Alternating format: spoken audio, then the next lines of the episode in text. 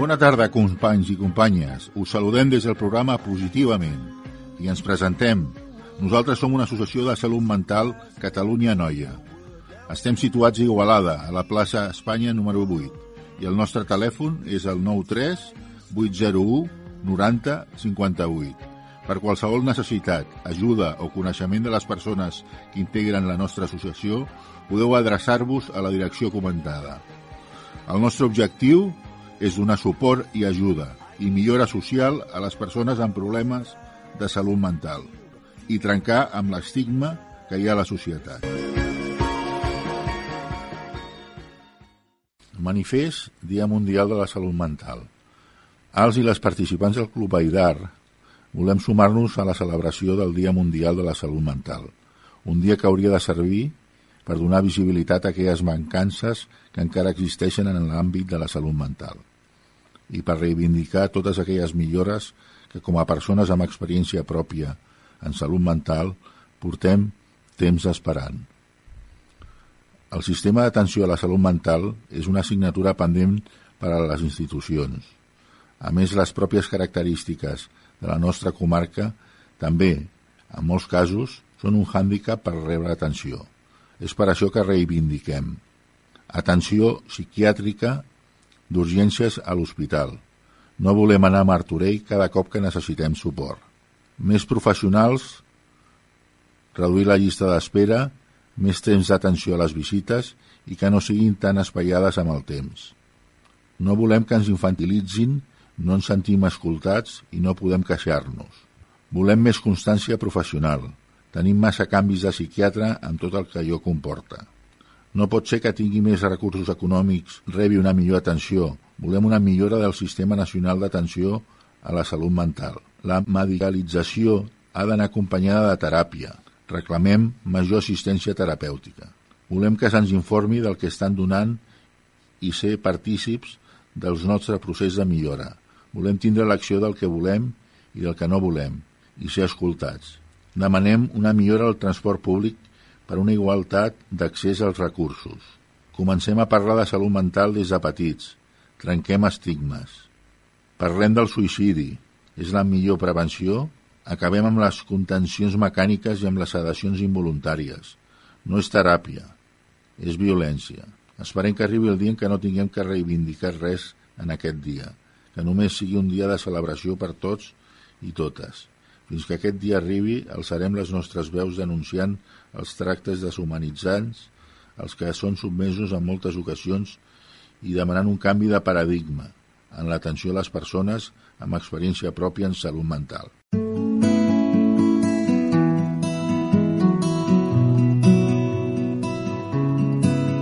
Buenos días, somos la Enrique y la Rosé y hoy hablaremos con Raquel, una mujer que era madre cuando tuvo un diagnóstico de salud mental.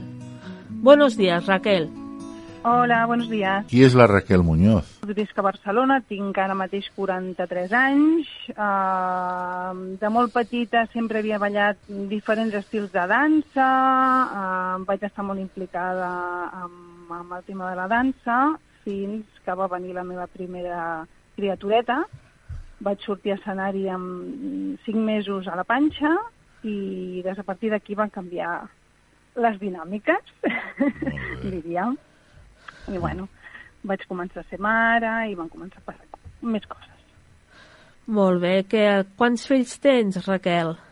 Jo tinc tres fills. Ostres. Tres fills. La Paula, la Paula, que aquest any ha fet 18 anys, uh, el Martí, que en té 16, i el David, que en té 14 i que en 4 dies en farà 15.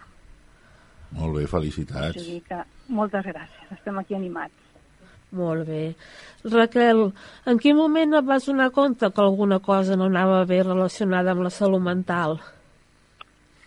Mira, eh, t'explicaré així en general, sense entrar en detalls, perquè si no, eh, la situació aquesta en concret es faria eterna l'entrevista. Mira, jo en realitat no, no em vaig donar compte. Eh, en realitat va ser més el meu entorn laboral, el familiar, més proper, eh, ja que jo no, no vaig ser conscient de que m'estava passant alguna cosa.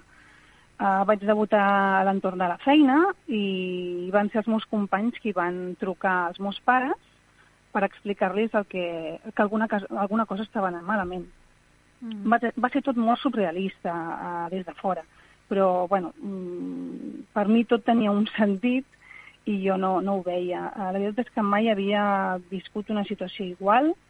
Uh, així que, bueno, quan vaig veure que alguna cosa estava fallant i sentia que els meus pares i el meu marit estaven preocupats, doncs, bueno, em vaig deixar ajudar.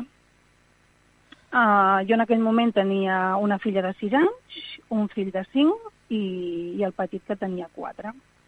Així que, bueno, no havia més manera de poder tirar endavant que, que fer-ho per ells, potser. Clar. Et va costar llavors assumir el teu diagnòstic? A veure, uh, assumir el diagnòstic a costar és molt relatiu. Uh, relativament poc, relativament molt, eh, no t'ho sabria dir, perquè això són, són, són termes, crec, molt particulars en cada cas i en cada persona. Llavors, uh, hi, hi ha un, en un principi, uh, jo mateixa vaig tenir un tabú, prejudicis, mm. sobre problemes de salut mental. Tu, dins de la societat, doncs, ens eduquen d'una manera des de ben petits i, i aquí crec que va ser el meu primer obstacle uh, que és l'autoestigma, no? que, que en diem. Uh, per mi ha sigut el, el pitjor enemic. Uh, el fet... Amb el que he conviscut... Digue'm, digue'm. No, acaba, acaba, sí. Et dic, amb el que he conviscut uns 9-10 anys. És a dir, 9-10 anys convisquent amb autoestigmes i amb inseguretats i amb prejudicis. Sí, val? jo... I jo vaig tenir el, el brot el, el 2010. Mm. Molt. El fet eh, Raquel, de, sí. del tema d'aquest problema, sí. et va impedir atendre...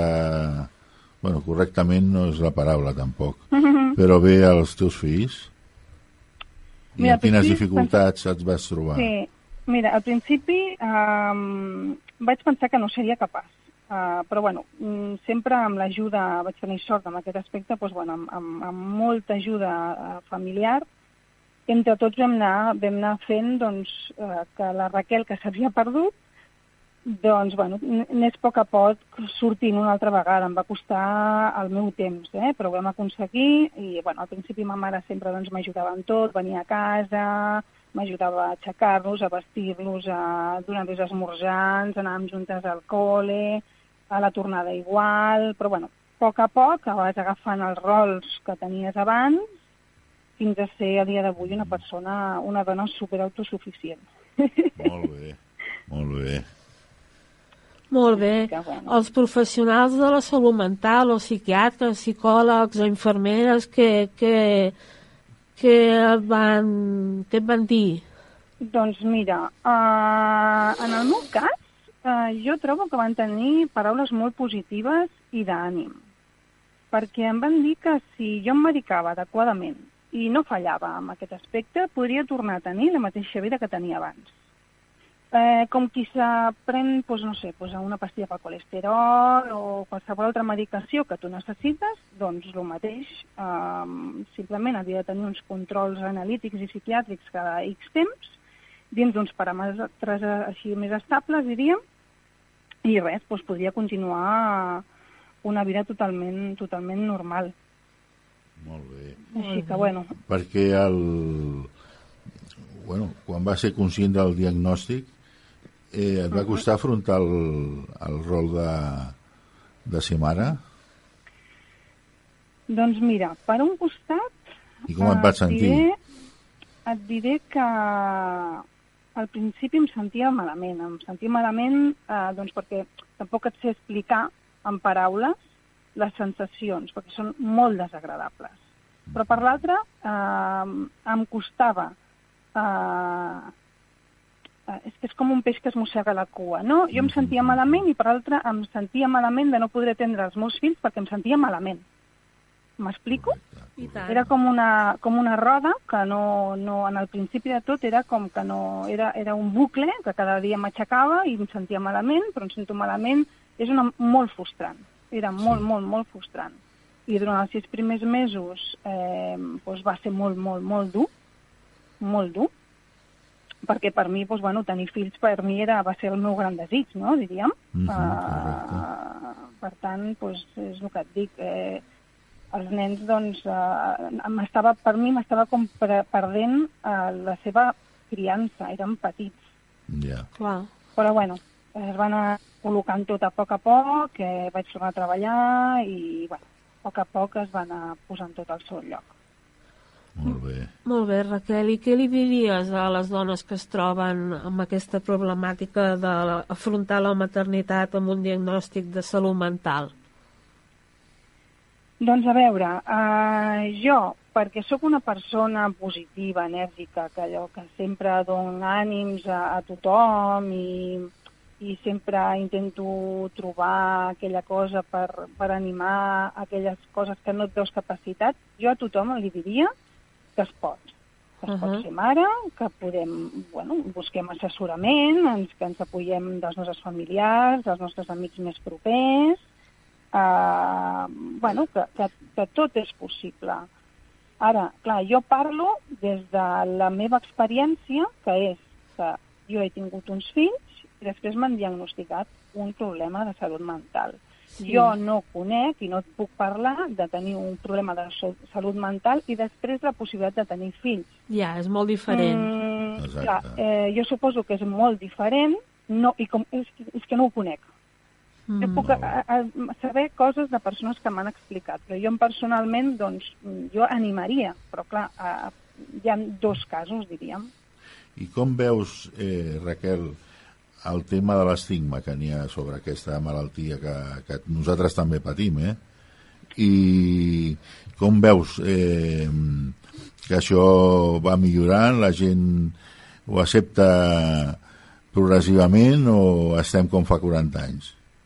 Bueno, no, jo crec que com fa 40 anys no. Això és com tot. Abans la dona no podia fer res i ara la dona fa moltes més coses. És una cosa molt progressiva. Jo el que sí que crec és que s'hauria de fer molta més formació en tots els àmbits, però igual que es fa formació sexual, doncs es podria fer formació en salut mental, en problemes de salut mental, ja no en coneixement del que, eh, dels diagnòstics, uh mhm. -huh. sinó doncs, bueno, en entendre en que és una malaltia igual que una altra, que és física, el que passa que, clar, com que és una malaltia que no veiem, doncs costa molt d'entendre. És a dir, a, a, a, eh, ajuda a entendre les persones que, que, mm -hmm, que hi ha aquesta, aquesta realitat. Val? Jo aniria més cap a l'educació, que ha millorat sí tot, però es pot millorar encara molt més. Molt, molt bé. més. Des de petits, vols dir, també. I tant, sí, sí. Jo crec que normalitzar les coses a casa. Jo penso que a casa tinc diversitat. Jo tinc tres diagnòstics més, dislèxies, TDAH i coses variades. Eh? Jo tinc a dintre de casa tinc un, un bon, una bona rentadora ben, ben donada de voltes. Llavors és un tema que nosaltres mm, hem estat parlant mm, molt sovint des de ben petits. Mama, i a tu què et va passar quan... Perquè ells es pensaven que jo estava, doncs, bueno, em feia mal la cama i estava... I bueno, jo he anat parlant des de ben petits de tot. I ah, els he normalitzat el fet de, de, de dislèxia, quin problema hi ha? Bueno, noia, doncs tu tens unes dificultats entre cometes, que no són, sinó que tens una manera de treballar el teu cervell diferent i que t'han d'ajudar d'una altra manera. I el TDAH el mateix. És a dir, que si tens una mica de coneixement i pots, pots, eh, bueno, pots normalitzar. I crec que és el que hem de fer, normalitzar. Sí, trobo que és, àmbits, eh? és un, aquesta paraula, normalitzar, és una gran paraula.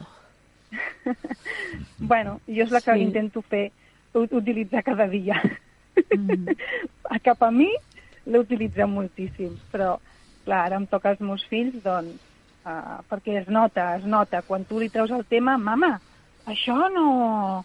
Dic, no, fill, però és que no passa res. Uh, I els professors ho han de saber, i si ho saben els teus eh, companys, doncs encara millor, perquè, bueno, mm, és una cosa normal, no passa res.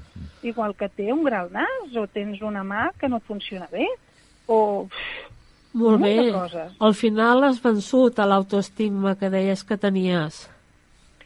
Sí, sí, sí, l'autoestigma per mi és el que t'he comentat, és, és, és, la, és a l'inici, és a l'inici de començar a, a, a poder tenir una vida plena, normalitzada uh -huh. i feliç, perquè uh -huh.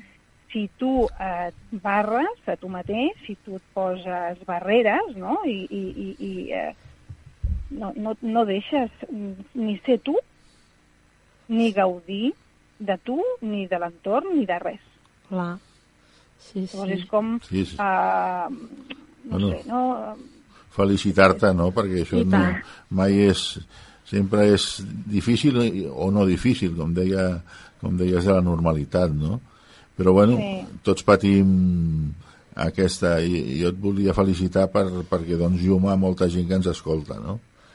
I Sí. la veritat que, que jo t'he preguntat ahir que com estem a nivell d'estigma, però realment Mm. les poblacions com estem a Igualada, a Vilanova, Sí, costen, costen més de digerir perquè és més poble i, ja. i t'etiqueten Hi ha fàcilment. molta més tabú. Sí. Sí, costa Però bueno, és qüestió de parlar-ne, eh? És qüestió de parlar-ne, parlar-ne, parlar-ne i parlar-ne. I ja està. I no tindre vergonya. moment- És veritat, hi ha un moment en què la gent pues, diu, ostres, pues, potser estan parlant d'això, saps allò que dius no escolto, no escolto, i al final escolto per, per cansada, no? que estic cansada d'escoltar el mateix, i obres els ulls i despertes, perquè Mhm. és així. És com un, un clic, és un clic, i dius, bueno, pues, pues, pues vale, pues oye, pues tampoco es tanto, ¿no? Tampoco Molt bé. tanto. Molt bé, Raquel, I moltíssim. després, Digues, um, digues. donar-vos les gràcies als mitjans, perquè és superimportant poder arribar a molta gent i arribar a molta gent d'una manera sana i um, pedagògica. Vale? Perquè veiem moltes coses i escoltem moltes coses que no Sí. toquen. No entrarem en detalls, però suposo que podreu detectar eh, Sí. doncs, eh, de fa poc molts, molta, molts temes que, vaja, Sí. que, no, que es poden tractar de moltes altres maneres. I encara estigmatitzen més els problemes de salut mental. Molt bé. Moltes gràcies. Doncs moltíssimes gràcies a tu per concedir-nos aquesta entrevista. Creiem que pot ser de gran ajuda a moltes dones que es troben en aquesta situació. Molt I bé. molts ànims i endavant. Molt bé, Endavant. moltes gràcies i encantada d'haver col·laborat amb vosaltres. Gràcies Moltes gràcies, moltes gràcies, Una Raquel. abraçada. Una abraçada.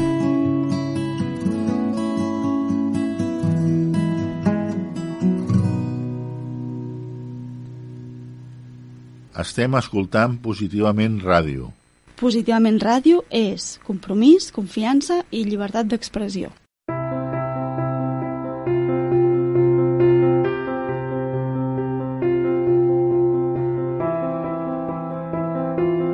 Ara entrevistem a l'Anet Carpinyal, que és president de l'associació Veus i durant molt temps ha sigut activista de salut mental. Hola, Edgar, bon dia. Hola, molt bon dia, com esteu? Molt bé. Eh, jo volia preguntar, qui és l'Edgar Vinyals? Doncs l'Edgar Vinyals és, és, és, és amb, qui, amb qui estàs parlant. Eh, és a, a, el qui, el qui m'escolto cada dia i, i bueno, hi ha diferents Edgars. Eh, eh, hi ha doncs, l'Edgar pare, l'Edgar eh, activista, l'Edgar fill, l'Edgar amic, i, i depèn del dia i depèn del moment. Mhm. Sí, és cert que eh, en el sector de la salut mental se'm coneix eh, sobretot per la part de, de, de l'activisme. ¿Cuáles fueron tus primeros síntomas en la salud mental? Pues me imagino que los recuerdos estos de, de lo que antes le llamaban guarderías, ¿no? Momentos complicados o, o- o durante los primeros momentos en, en la escuela, pues con la relación con, con los demás. Luego, eh, pues también recuerdo pues esas situaciones en las que de pequeño pues que sufres mentalmente y, y, como cualquiera, pues eh, la- las situaciones que te trae la vida que te, que te, que te invitan irremediablemente a, a, sufrir, ¿no? Entonces luego eso como lo como lo vamos eh, aprendiendo a vivir, pues pues determina o no si si si sufrimos muchísimo o de vez en cuando continuamente. Eh, o no sufrimos y pasamos una temporada de estas que decimos estoy súper bien. Entonces, eh, eh, sí que eh, empiezo a, a- a- vivir situaciones, experiencias inusuales que llega el momento en el que, en el que delante de una psiquiatra pues me empieza a explicar eh, su versión de los hechos sobre lo que me está pasando, ¿no? Y sería a los 15, 16 años que, que me atiende por primera vez un, una profesional de psiquiatria. Molt, molt bé. Moltes Es- gràcies. Escolta'm, i com em dius, als 15-16 anys vas començar, diguéssim, aquest procés. Mhm. Has, ti- has tingut eh, moltes recaigudes? Sí, sí, sí. Entenc que et refereixes a, a, a, a moments baixons, on, on, baixons. he tingut un ingrés en una unitat de psiquiatria, suposo, no? Recaiguda de, Sí. de, de, de crisi, de, O, sí, de, deliris... O, el que ens passa a vegades a tots, nosaltres que també formem l'equip de, de ràdio, que, bueno, que, Sí. que estàs de baixó no tens ni un ingrés, sí, correcte.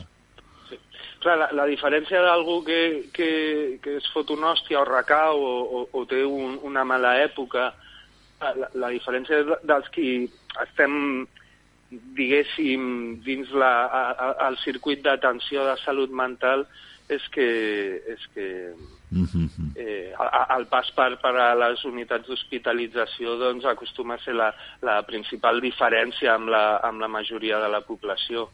Eh, clar, jo d'ingressos a unitats hospitalàries n'hauré tingut 7 o 8 durant, durant els darrers 20 anys. Molt, i, les, I les vius, bueno, suposo que al fer aquesta pregunta, doncs, bueno, nosaltres ens la fem a nosaltres mateixos perquè també ho vius malament, entenc, no? Quan tens una recaiguda. Sí, acostuma a haver-hi una part molt important i, i per moments majoritària de, de malestar, de patiment, de, d'angoixa, de, de molta por. No? Jo per mi entenc que, que, que quan he tingut situacions que finalment han requerit d'ingrés han sigut moments on, on, on d'alguna manera no, no, no, no podia sostenir el patiment del que m'estava passant a la vida o, o d'acumulació del que em venia passant. No? I, i, i arriba un moment en què eh, quan vols viure i tens clar que, que l'opció de treure't la vida no és una opció i vols viure però la vida se't fa insuportable, doncs jo entenc la, aquestes eh, recaigudes com una fugida cap a, cap a una altra, una altra freqüència que ens permet, en el meu cas, doncs em permet encarnar un personatge molt més poderós que, que ja de pas oblido tot el que m'està asfixiant a la vida, no? I, i, i qui més o qui menys ha passat en algun moment d'aquests que dius que no puc més. És que, bueno, ja, ja, ja hi ha la frase, no? És que em tornaré boig, m'estic Sí. tornant boig, no? Doncs, clar, arriba un moment ja que, que és com que comences ja a tremolar tant, el, el, el xassis ja tremola, no?, de tot el que et passa a la vida i, i sí que necessitem parar. I a vegades és el cos, a vegades és el cap que et diu fins aquí hem arribat, eh, aquí hem de parar i pensar. Aquí estem, explicant, Molt bé. que és lo important. I tant, i tant, i tant. Eh, Edgar, en aquests ingressos t'han fet alguna condició mecànica?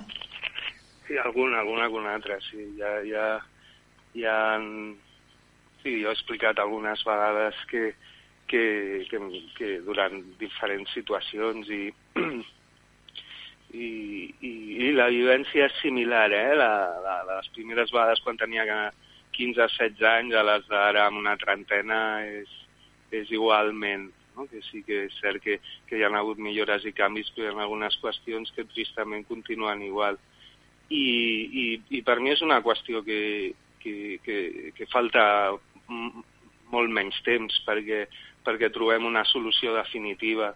Eh, jo confio que, que, que es farà la feina que li pertoca fer al Departament de Salut en aquest cas i, i, i, i que també doncs, continuarem parlant-ne i, i, i a les persones que, que ho, ho visquin i, i ho sobrevisquin i, tingui, i trobin el moment i l'energia doncs, per denunciar-ho, doncs que ho facin perquè, perquè a mesura que es vagin sumant aquestes denúncies doncs, per, per dany a la integritat física, per dany a la integritat moral, eh, per, per, per, per lesions o, o tractar, tractar indigne, doncs, doncs eh, trobarem la solució definitiva com ho han fet en altres països des de fa anys ja. Aleshores, és qüestió de temps.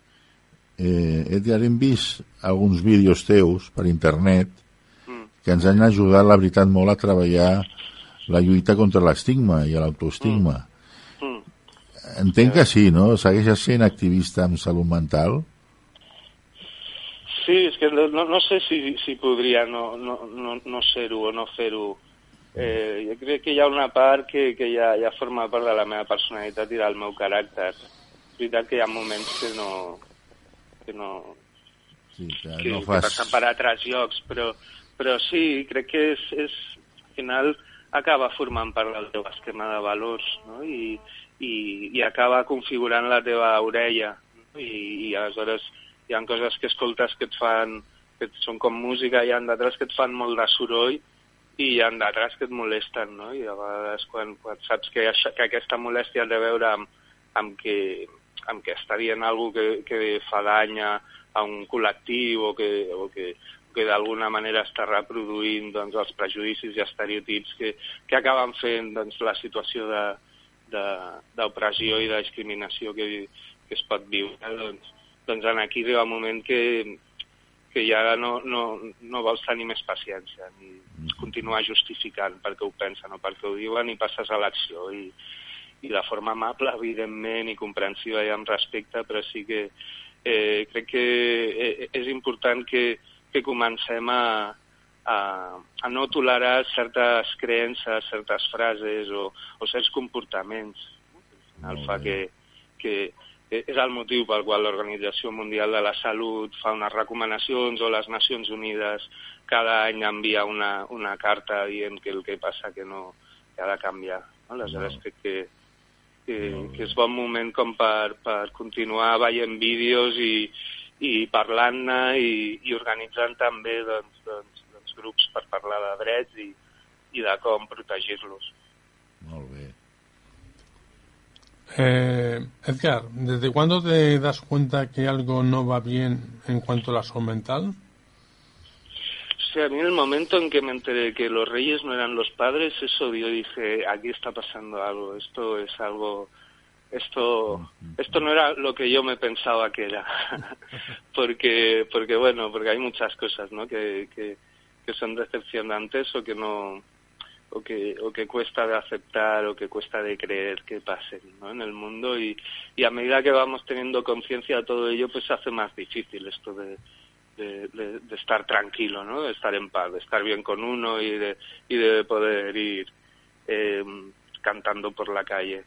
Entonces, bueno, no sé, es, es complicado. Yo creo que, que, hay una cuestión que tiene que ver con el compromiso con la vida y con el cuerpo, ¿no? Y esto de, de, caminar, de cantar, de saltar, de bailar, de, de cuidarse y, y, luego hay otro que tiene que ver también con, con qué haces con, con toda esta, eh, hablando en plata, eh, mierda que pasa en el mundo. Que, que, que, cómo te cómo te recolocas y cómo haces que, que en tu relación y en tu pequeño entorno pues pues que sea un, un mundo pues más más más acorde a, a, a, lo que debe ser, ¿no? Ahí cada cual con, con lo que piense. Ja, eh... ja, ja. I Edgar, creus que, que s'ha de millorar a nivell d'Espanya amb el tema de la salut mental els, seus, els serveis que donen, que ens donen? Mm. Què et penses? Sí, clar, o sigui, crec que, que ara és un moment important que s'està sometent a debat i a discussió una proposta de llei general sobre salut mental. Mm. I, I aleshores això, això canviarà el marc normatiu, com ja ho ha fet la, les darreres aprovacions de llei, que per exemple han tornat el dret a vot a, a centenars de milers de persones que, que estaven tutelades i que, i que havien arrasat amb tots els seus drets civils, no? inclòs el vot. No? Doncs s'estan aprovant lleis noves.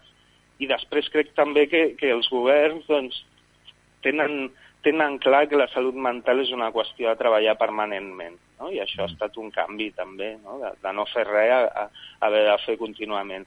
Ara falta, falta eh, que s'organitzin recursos i, i, i, i vaja, crec que, que hi ha una part important també, no? que és eh, aquesta consciència de drets que anem tenint, que es van donant aquests espais de, de, de, de parlar tot plegat, del document de voluntats anticipades, de, dels formularis de queixes i reclamacions, d'un seguit de, de, d'eines de protecció jurídica que, mm -hmm. que, que anem començant a escoltar i que hem d'acabar eh, doncs coneixent-les i, i des d'aquí convidar-vos a, a fer un programa sobre, sobre les voluntats anticipades que potser ja l'heu fet i, i continuar doncs, doncs, doncs generant aquests espais per, per decidir què, què volem i què no volem que ens passi quan entrem en els espais d'atenció psiquiàtrica.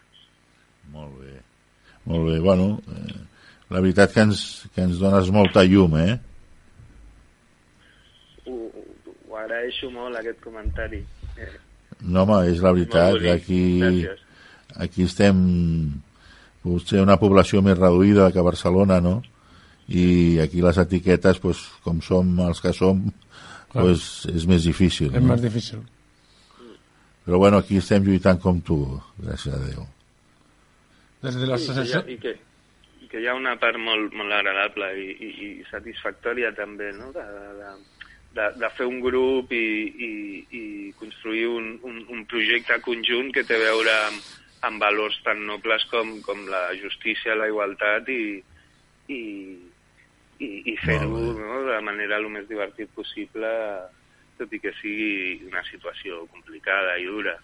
Aleshores, bueno... Mireu, aprofito per convidar-vos, si voleu venir, farem a, a, al Museu d'Història de Barcelona el 26 d'u- d'octubre, el dimarts 26 d'octubre per la tarda, un seminari sobre la transformació de les institucions psiquiàtriques al segle XIX i segle XX.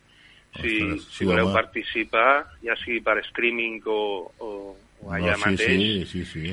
doncs... Està bé, Estem convidats. està, vamos. està bé situat. Sí, és un, és, un, és un lloc molt bonic per passejar. Des de l'associació veus que accions estan realitzant per enriquir l'estigma des de la salut mental. Sí, la Federació Veus eh, forma part de la junta directiva del projecte Obertament, que, que haureu vist els, Sí. els spots i, i les accions que, que du a terme des de, des de fa doncs, doncs, quasi 10 anys i, i, i, i, i a banda les associacions que formen part la Federació Veus doncs, contínuament fan, fan projectes, ja sigui com l'associació Matissos des, de, des del projecte de, de teatre, de, de lectura o, o, o l'associació cultural Radio Nicòsia, que a banda de la ràdio fa contínuament un munt d'accions contra... Eh, bueno, doncs d'alguna manera generant punts de trobada entre realitats diferents per, per, per, per canviar la, la manera que pensàvem que era l'altra, no? I, i tots aquests eh, trets eh, estigmatitzadors que s'associen a les persones que tenim llufes psiquiàtriques, com pot ser la perillositat, la imprevisibilitat, la falta de responsabilitat, la infantilització, doncs, doncs que clar que podem tenir eh, una mica d'això dins la nostra, la nostra vida en algun moment com qualsevol, però, però que això no, no, no forma part de la nostra personalitat i molt menys és un tret eh, eh, de, un tret diagnòstic. Això a veure amb, amb la personalitat, amb el caràcter i, i, i, i com som i, i tenim dret a ser com som sense que per això, sense que per això hagin d'intervindre eh, per modificar i per d'alguna manera eh, modular la nostra vivència emocional en, a, en els nivells que es, que es fa amb la medicació. Jo ara aquests dies llegia al diari com, com s'estan organitzant associacions per, per denunciar els professionals de psiquiatria i psicologia que fan teràpies de conversió de l'orientació sexual, que això eh, eh, sembla que, que ja, no, ja no es publicita però continua passant i no, no, no pot ser que, que, que es continuï negant una realitat eh, com, com, com la vivència afectiva i sexual de, de les persones i, i, i bueno, crec que, que, que aquí hi ha, hi ha encara molt camí a fer la despatologització de les persones transgènere que, que, que, que vaja, que això ja ho ve fent la psiquiatria des de fa uns segles, no? Aleshores, eh, crec que hem, hem de, pas, de parar atenció a, al, que, al que ve passant i com, com s'ha abordat des de la psiquiatria, veure el que continua pràcticament igual i, i especialment pensar que fem d'ara en endavant doncs, perquè acabi la coerció i la violència psiquiàtrica. I per acabar, eh, crec que estaríem temps amb tu, Edgar. Mm. Eh, els fàrmacs, amb els teus telefils els denomines una mica com, si no estic equivocat, com drogues. eh, des dels teus pro progressos de salut mental, a dia d'avui, eh, com, com ho valores el tema dels, dels fàrmacs? Maleïts sí. o beneïts, no? Sí, sí, sí depèn del moment no? I, i especialment de la quantitat. Eh, clar, deies eh, feies referència a la denominació drogues. Eh, sí, a més, una droga catalogada com a terapèutica i, i, i, i, i té llindars terapèutics i també té llindars tòxics.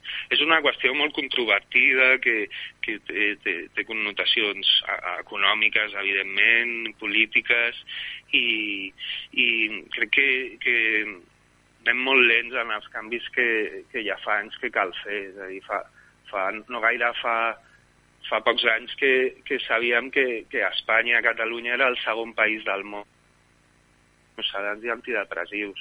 Sí, correcte. I, i, i que això succeïa amb, un, amb una cultura mediterrània i, i, no s'entenia, no? Com podia haver-hi tanta prescripció.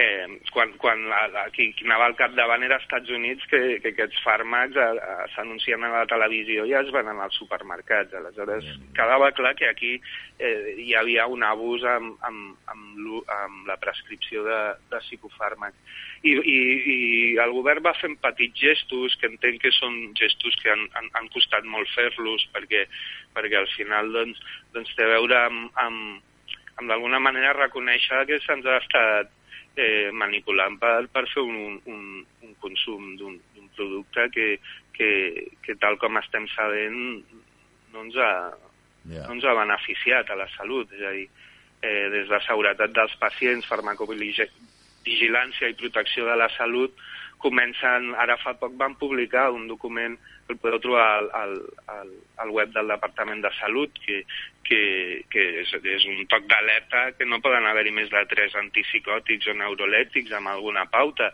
És molt interessant perquè els fàrmacs bueno, realment eh, són crònics, no? Són per tota la vida. Sí, així, així ens ho han presentat, no? aquest mantra de fermetat mental greu, però per tenir una vida normal et prens una medicació i així no tindràs ingressos. No? Aquest pre...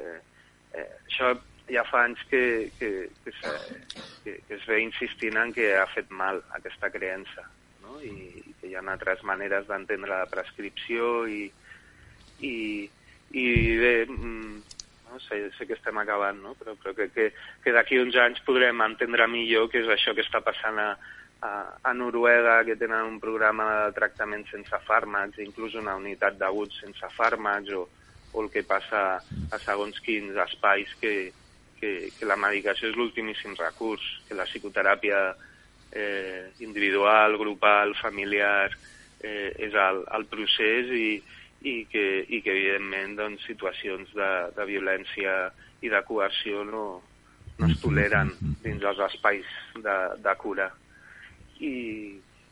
Doncs pues molt bé. Quan anirem, quan anirem fent i vivint i explicant. Moltes gràcies per aquesta entrevista i donar el teu punt de vista personal. Moltes gràcies per donar-me l'oportunitat. Moltes gràcies, Edgar, i bon dia. Bon dia, Patrick, i bon dia, Enric.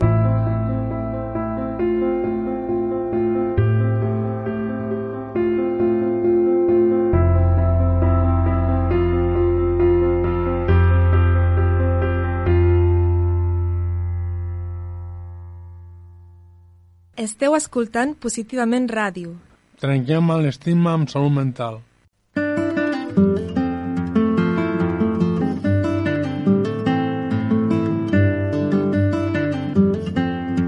Buenos días Ángel, soy Enric. Buenos días Enric. Y gracias Ángel, presentamos al señor Ángel Urbina y bueno, eh, gracias por esta entrevista por anticipado. No, no de qué, eh, la gracia a vosotros. Te quería preguntar, eh, ¿quién es Ángel Urbina? Pues Ángel Urbina es un activista por derechos de personas con problemas de salud mental, eh, eh, en primera persona, es decir, soy una persona que, que en mi vida he tenido experiencia con problemas de salud mental, y soy padre, soy trabajador, soy una persona que me considero tan normal como puede ser cualquier otra persona. Muy bien, muy bien. Eh, felicidades por lo de padre, porque te quería preguntarlo ahora. Eh, ¿Qué significa ser padre cuando, cuando tienes una enfermedad mental, de salud mental? Bueno, yo diría que ser padre eh, no tiene nada que ver con tener o no tener un problema de salud mental. Ser padre representa un paso en la vida de las personas, un enriquecimiento, un saber que lo importante es darse en otra persona y eso no depende de tener o no tener un problema de salud mental. Es algo que, que enriquece a la persona. Yo estoy muy contento de, bueno, realmente tengo una hija, solamente una hija, y, soy feliz con, con esto. El, día que, el primer día que mi hija me dijo, papá, pues fue quizás uno de los días más felices de mi vida, ¿no? Y bueno, pues simplemente es eso. Muy bien, yo también lo, lo corroboro. Pues, ¿qué te quería decir? Porque, bueno, esta pregunta te, la, habíamos, la había pensado porque en otros casos sé que ha pasado. No sé si te ha pasado a ti, y más en el papel de la mujer en la hora de ser, de, ser padres, ¿no? El, ¿Os lo pusieron fácil previamente hablando con el psiquiatra, bueno, con, con el equipo de salud mental, psicólogos, etcétera, para poder ser padre? Yo creo que, eh, en primer lugar, no lo consulté. Vamos a ver, consideré que era una decisión personal mía. Y sé que, que en el caso de las mujeres todavía es más complicado, ¿no? Porque se encuentran muchas veces con el problema de la propia, no solo el psicólogo o las personas que están tratando, sino la propia familia de ella, que piensa que, le crea incertidumbre, ¿no? Porque si el hecho de ya de ser padre o ser madre ya genera una incertidumbre en el momento de tomar la decisión y de, desarrollo de mientras va desarrollando el hijo, en el caso de las personas con problemática de salud mental la situación es mucho más grave porque tiene un, ambiente alrededor que a diferencia de las condiciones normales en que la familia apoya, eh, pues tenemos una familia que duda, incluso a veces se opone, ¿no? Y si encima tenemos médicos o profesionales que no creen en, la persona, pues la, la, situación es mucho peor. En cualquier caso, yo tomé la decisión, bueno, yo y mi mujer, no, fue una decisión mutua, y decidimos que adelante, queríamos ser padre y con todas las consecuencias. Pues felicidades también. ¿Qué te quería comentar? El... Tú has acabado la carrera de ingeniería industrial supongo que, bueno, en salud mental siempre te, crónicamente nos llamamos que tenemos esta enfermedad, pero ¿cómo fue tu proceso para, para estudiar esta, esta ingeniería eh, tan, tan difícil? Bueno, realmente eh, yo eh, mi, mi, problema salud mental debutó cuando yo estaba estudiando ya la carrera. Es decir, yo estaba, me encontraba en tercero de carrera y fue cuando empezó el problema. Mm, al principio fue bastante, mm, lo pasé bastante mal porque la medicación que me daban aquellos entonces, porque yo, soy una persona mayor, yo tengo 55 años, o sea que, esto ocurrió cuando era joven, la medicación en aquella época no estaba tan, no estaba tan perfeccionada como estaba ahora y supuso un, un, corte total. Cuando, una vez que, que volvía a estabilizarme a, a una situación de más, mm, de más normalidad, eh, lo que eh, tenía claro que si me había esforzado por conseguir hasta donde había llegado, tenía que terminarla, ¿no? Y entonces, paso a paso, fui, fui continuando. De hecho, incluso, aunque continúo con el diagnóstico de problema salud mental y sigo siendo, siendo tratado, en estos momentos estoy estudiando otra carrera. Eh, me, mm, me, he matriculado en la UOC con mi edad y estoy estudiando ciencia de datos. Es decir, que siempre he pensado que las personas deben eh, explorar sus límites, ¿no? Si llega un momento en que siempre lanzarse, dar un paso adelante, ¿no? Si no puedes, pues no puedes, has descubierto un límite, ¿no? Pero no por ello de que hayas podido un momento determinado, a lo mejor dentro de un mes, dos meses podrás dar un paso y seguirás más adelante, ¿no? Por eso yo creo que un, el éxito de en mi proceso de recuperación o de mi integración social se debe principalmente al hecho de que nunca me rindo, ¿no? Es un había un anuncio de la hace mucho tiempo de no te rindas nunca, ¿no? Pues ese es el mensaje que me gustaría transmitir a las personas que me escuchen, ¿no? No rendirse nunca. Eh, cada uno tiene sus límites y hay personas que podrán y personas que no podrán, pero atrévete a explorar, decir hasta dónde puedo llegar, ¿no? Y eso es la clave de, en la vida, no solo en, con problemas salud mental.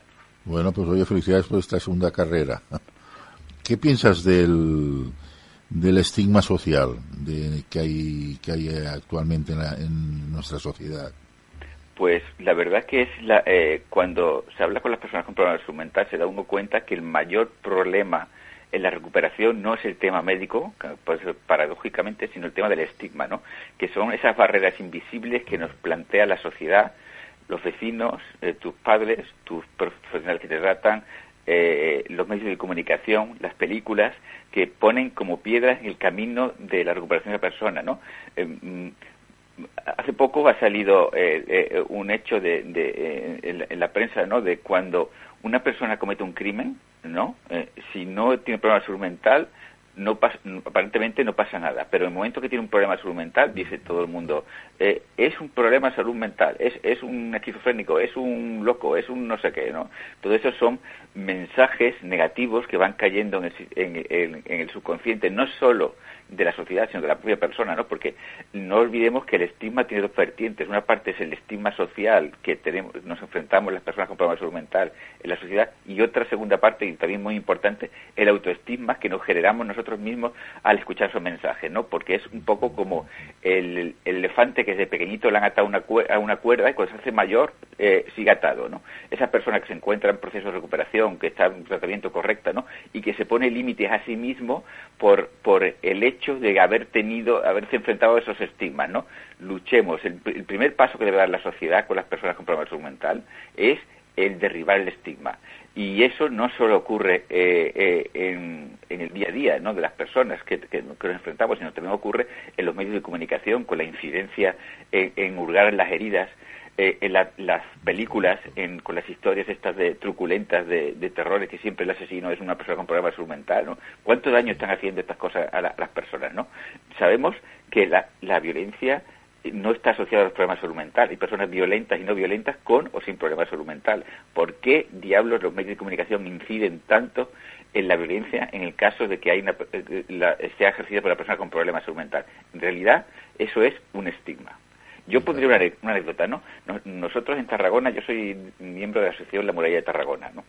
Eh, mm, el primer día que fuimos a dar una charla a un instituto de concienciación sobre el estigma, el profesor del instituto eh, había hablado con los alumnos en la clase de, arte y les dijo, eh, vamos a hablar, vamos a hablar de los problemas de mental, dibujarnos los problemas de mental, ¿no? Hicieron un mural y lo colgaron en la puerta del instituto. Cuando nosotros entramos en ese instituto nos encontramos con un mural en que aparecía Freddy Krueger, eh, eh, una serie de personajes eh, asociados a programas de salud mental que era terrible. Entonces cuando entramos en la clase le dijimos a los alumnos, señores, vamos a ir. ¿Queréis saber qué es el estigma? Bajemos abajo. Bajamos de la clase, nos fuimos a la entrada, vimos el mural. Esto es el estigma. Esto no es una persona con problemas de salud mental. Esto es un prototipo. Esto, esto mm, no es, es, es lo que hace que cambia. Y, una vez que se enfrentaron a lo que ellos mismos habían dibujado, comprendieron directamente que era el estigma.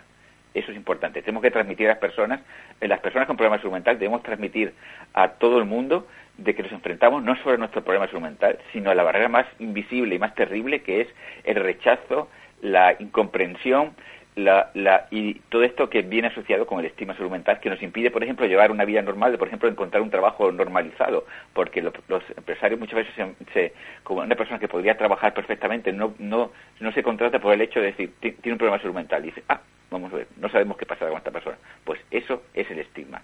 Es una barrera social muy potente a la integración de las personas. Y tanto, y tanto. Y Vamos, que estéis sorprendidos, ¿no? Supongo con este mural, ¿no? Sí, sí, se quedaron, se quedaron sorprendidos porque habían sido ellos mismos los que lo habían dibujado, ¿no? Y cuando nos vieron nosotros, no sé qué esperaban, esperaban un Freddy Krueger en directo, ¿no?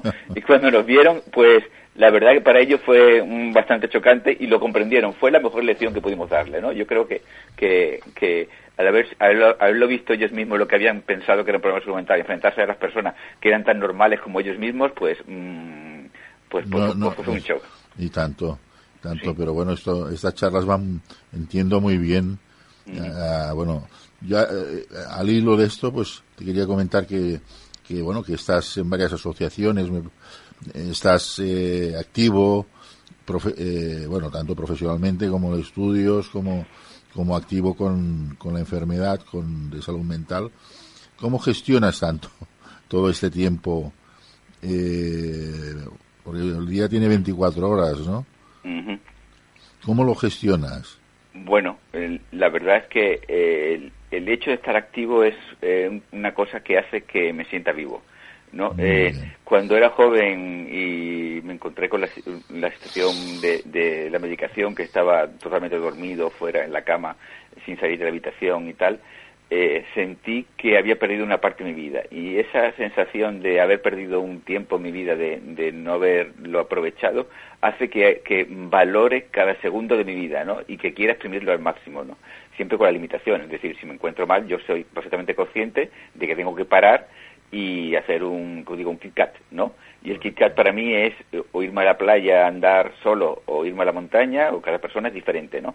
Pero um, yo quiero saber que, que cada día debo vivirlo como si fuese el último día de mi vida, ¿no? Y, y exprimirlo al máximo. Eso es lo que hago, ese es el truco, lo único que, que hago. Muy bien. Y bueno, queríamos estar más tiempo contigo, pero acabo para decirte, pues, eh, ¿está bien cuidada la salud mental aquí en España? Bueno, eh, realmente la salud mental es el patito feo, tanto no solo a nivel español, sino europeo e internacional, ¿no? Eh, parece que ahora con esto de la pandemia se ha puesto un poco más de moda y se ha descubierto la importancia de la salud mental, ¿no? Eh, ¿Cuál es el problema básico? El problema básico es que las personas con problemas de salud mental muchas veces no defienden sus propios mm, derechos, ¿no? Porque la situación en que se encuentran es tan delicada que que la persona no tiene ganas ni, ni, puede dar su, voz a, a, hablar, ¿no? Y claro, los responsables políticos, cuando alguien no protesta o alguien no defiende sus derechos, no le hacen caso, ¿no? Eh, por eso es tan importante el movimiento asociativo, ¿no? El organizarse, el, el que nuestra voz se escuche, eh, ya sea, a lo mejor tú en este momento no te encuentras en situación de poder eh, expresar tus opiniones o, o, cómo te han tratado, pero otra persona, un compañero que ha tenido la misma experiencia, que se encuentra en un proceso de mejor de recuperación, puede dar la voz por ti, ¿no? Entonces, en eso animo a, a, a asociarse, ¿no? Eh, cosas como la, la, la asociación a la cual, de, de, de, la federación a la cual pertenezco, ¿no? Porque la muralla pertenece a la Federación Salud Mental Cataluña, pues nos permite tener una voz en el Parlamento, ¿no? Pues nos permite eh, eh, hacer cosas que una persona sola sería imposible que hiciese, o una asociación local sola tampoco podría hacerla, eh, hacerlo, ¿no? Por eso yo creo que yo animaría tanto a las personas como a las familiares que nos puedan estar escuchando que se asocien que unan su voz con las otras personas que han pasado lo mismo que que no piensen solo en sí mismos, en su ombligo, piensen más amplio, más allá, ¿no? Es decir, no solo soy yo, también puedo, a, lo mejor puedo conseguir algo que a lo mejor a mi hijo o, a mí mismo, como, como persona afectando a una persona, no me, no me repercutirá, pero a mi compañero, a mi amigo, a otro familiar, puedo ayudar. Y eso es la clave, ¿no? El agruparse. Muy bien. Pues hoy agradezco mucho, Ángel, que nos hayas dado este tiempo. Estaríamos más, más personalmente hablando contigo y te agradecemos mucho que hayas intervenido en nuestro programa y dar luz a, a bueno, a, tota, a las personas que, que esperemos que sean muchas las que nos escuchen. Muchas gracias y un abrazo. A, a vosotros, muchas gracias por darme la voz. Gracias. Gracias, buenos días.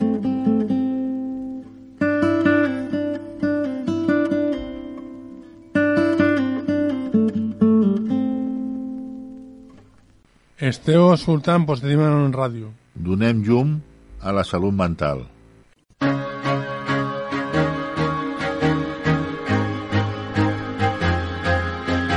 Us recordem que estem situats a la plaça Espanya número 8 i el nostre telèfon és el 93 801 90 58 d'Igualada. Agraïm a Ràdio Nova, Vilanova del Camí, per donar-nos l'espai per presentar-nos. Moltes gràcies.